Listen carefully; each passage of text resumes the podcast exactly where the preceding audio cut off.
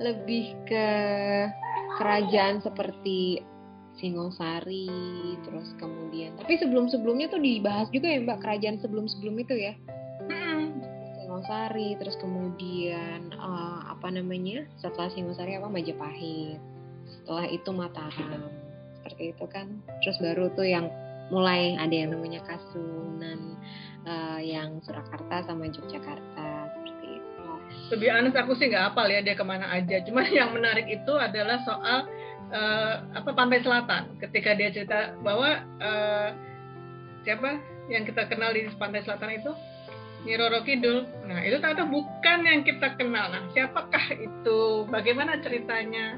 Itu ada di buku yang kedua. Jadi itu merupakan Shandi juga kayaknya. Iya, kebetulan dongeng-dongeng ini nih uh, itu yang aku bilang pernah di, diceritain sama yang terus uh -uh. sama orang tua jadi begitu baca buku ini tuh kayak apa ya ingat ingat kayak Sandi yang pernah dikasih tahu udah gitu jadi dia kayak cing cing cing cing cing cing, cing gitu dari ya dari Jogja terus kemudian dia sampai dia ke Jakarta juga loh ya kita yeah. jalan ke Jakarta juga ke tempat Jangan salah seperti itu terus uh, Bogor ada ceritanya Pangeran Jayakarta ya Hmm, kalau Bogor apa ya? Pasti udah tahu dong kalau Bogor ya. Kalau Bogor ada apa di sana? Pasti kan Prabu Siliwangi. Hmm. Terus uh, Bandung ya.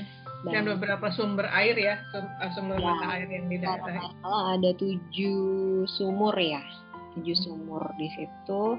Terus kalau abis itu diajak jalan-jalan lagi kita ke Pelabuhan Ratu. Itu yang tadi Mbak Manda bilang ya Mbak, ada satu hmm. hotel yang memang seperti itu tempatnya tempatnya sebagai tempatnya Nyi Roro Kidul katanya Kidul ih seru loh itu di situ sampai di situ uh, bertemu dengan beberapa tokoh yang memang uh, erat banget sama kehidupan kita sehari-hari sering disebut ya di kehidupan kita sehari-hari yang terkait dengan Pelabuhan Ratu.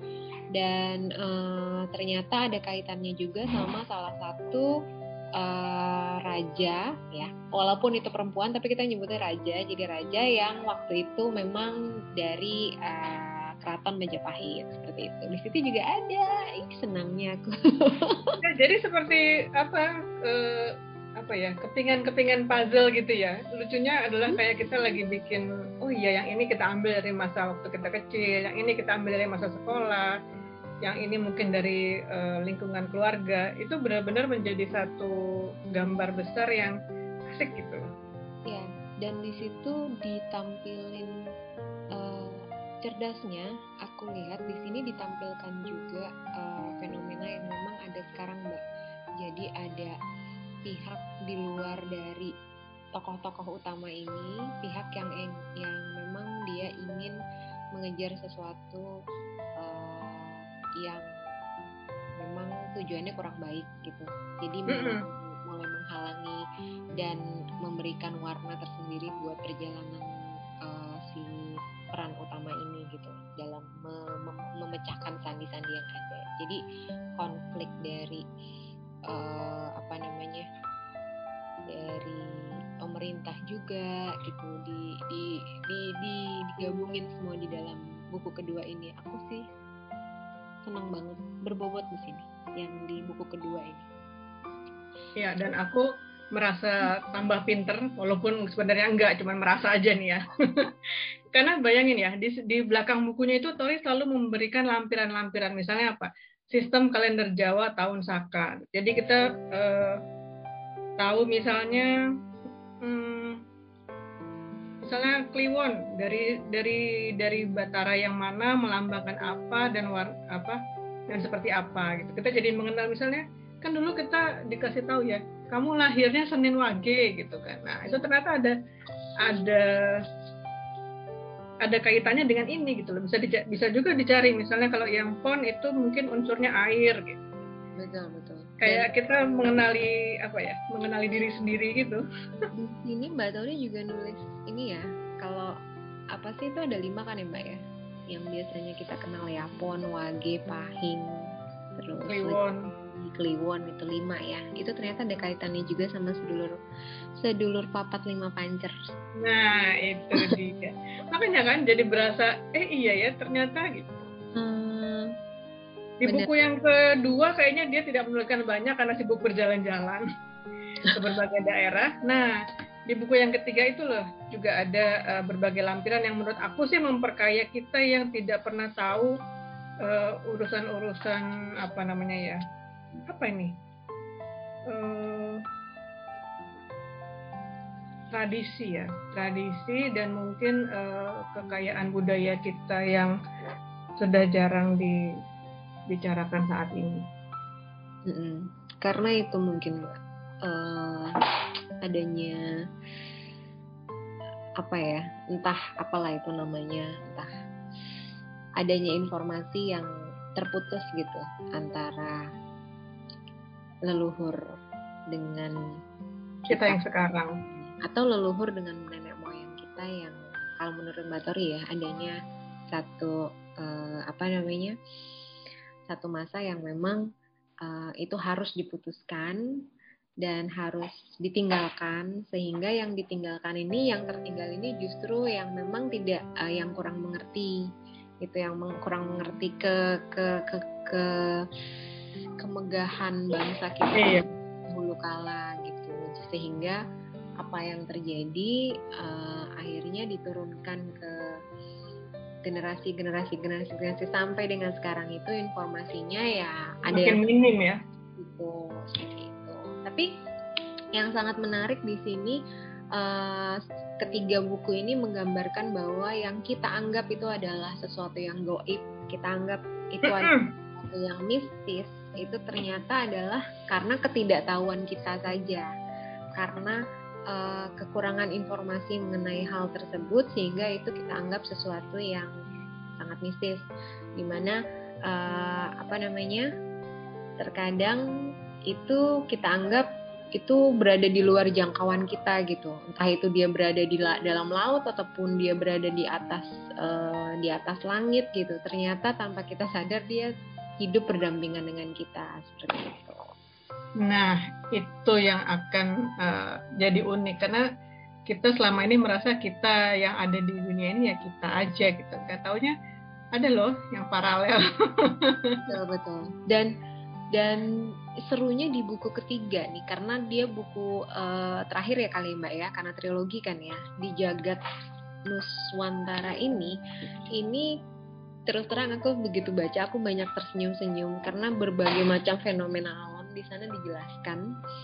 Dan yang kita pikir itu adalah sama, adalah fenomena alam yang tidak ada hubungannya dengan hal-hal yang lain ternyata itu adalah itu kalau kita buka uh, pikiran kita kita uh, apa namanya mau untuk uh, membuat kita mau sebagai pencatat gitu bukannya pencatat tuh maksudnya ya udah kita kita catat apa yang ada gitu kan dari bukunya Batori kita catat terus kemudian ya memang itu sudah harusnya terjadi gitu ya.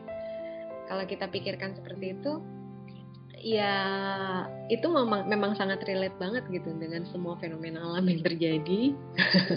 Segala macam uh, yang tadinya ah masa sih? Kok contohnya kok gunung meledak atau uh, kok kerusuhan di sini kok ada kaitannya sama ini gitu. Aku banyak aku banyak senyum terus di buku ketiga ini nih aku banyak senyum. Ya ampun segitu ininya kita ya. Kalau yeah. mbak gimana gimana mbak? Yang di buku ter terakhir mbak. Buku ketiga ini lebih membuat kita aware sih ya bahwa kita itu ya ternyata bagian kecil aja gitu. Dan kalau kita mau lebih apa namanya peka barangkali ya di situlah ternyata kita bisa menemukan hal-hal baru yang tadinya kita anggap biasa-biasa aja. Padahal itu adalah suatu uh, apa ya tanda-tanda barangkali ya. Betul. Dan di sini di buku ke tiga ya. ini ketiga ini nyambungnya yang tadi aku bilang di buku kedua kan dia uh, dikasih tahu ada satu fenomena ya uh, pemerintah kita yang uh, ada beberapa orang-orang yang memang memiliki tujuan yang tidak bagus seperti itu ya. Nah di buku ketiga ini benar-benar dikasih lihat pertentangan antara ini yang realnya terjadi memang banyak yang seperti ini gitu loh yang orang yang mengaku-ngaku sama orang yang beneran bisa, memang orang yang uh, apa namanya. Jadi uh, apa ya? Walaupun kita diajak pergi ke ke zaman yang lain, bukan dimensi yang lain ya, tapi ke zaman yang lain ternyata di zaman kita pun seperti di, di, dijabarkan juga dengan sangat lugas di buku ini sih menurutku. Iya sih, betul betul. Terus uh, puncaknya menurut Mbak Manda di mana Mbak dari buku ketiga ini? Yang bisa Mbak Manda ambil, yang bisa kita ambil, moral moral story-nya di mana? Buku ketiga ini sebenarnya uh, buat aku lebih kayak apa ya? Kayak uh, aku nggak tahu deh di mana di mana poinnya tapi lebih kayak menikmati aja gitu cara dia bercerita tentang uh, kondisi yang di sana dan apa yang dilakukan gitu. Kayaknya kan banyak uh, apa namanya imajinasi yang bisa jadi liar gitu dengan kondisi di sana yang seperti apa. Aku sih suka gitu aja karena membayangkan kelebihannya membaca buku kan itu. Bukunya dibaca kemudian pikiran kita ke mana-mana gitu kan Hmm. Kalau Tori hanya bilang naik ke gedung bertingkat sekian kan imajinasi kita kan wah gedungnya seperti apa, bangunannya seperti apa, naiknya itu rasanya seperti apa. Aku lebih menikmati itu sih di buku ketiga. Iya, benar benar benar benar. Kalau Mbak Disi apa? Kalau di sini dari uh, menariknya dia men, uh, Mbak Tori ini menceritakan zaman yang berbeda secara bersamaan waktu yang berbeda, tetapi kondisi yang terjadi pada saat itu secara bersamaan.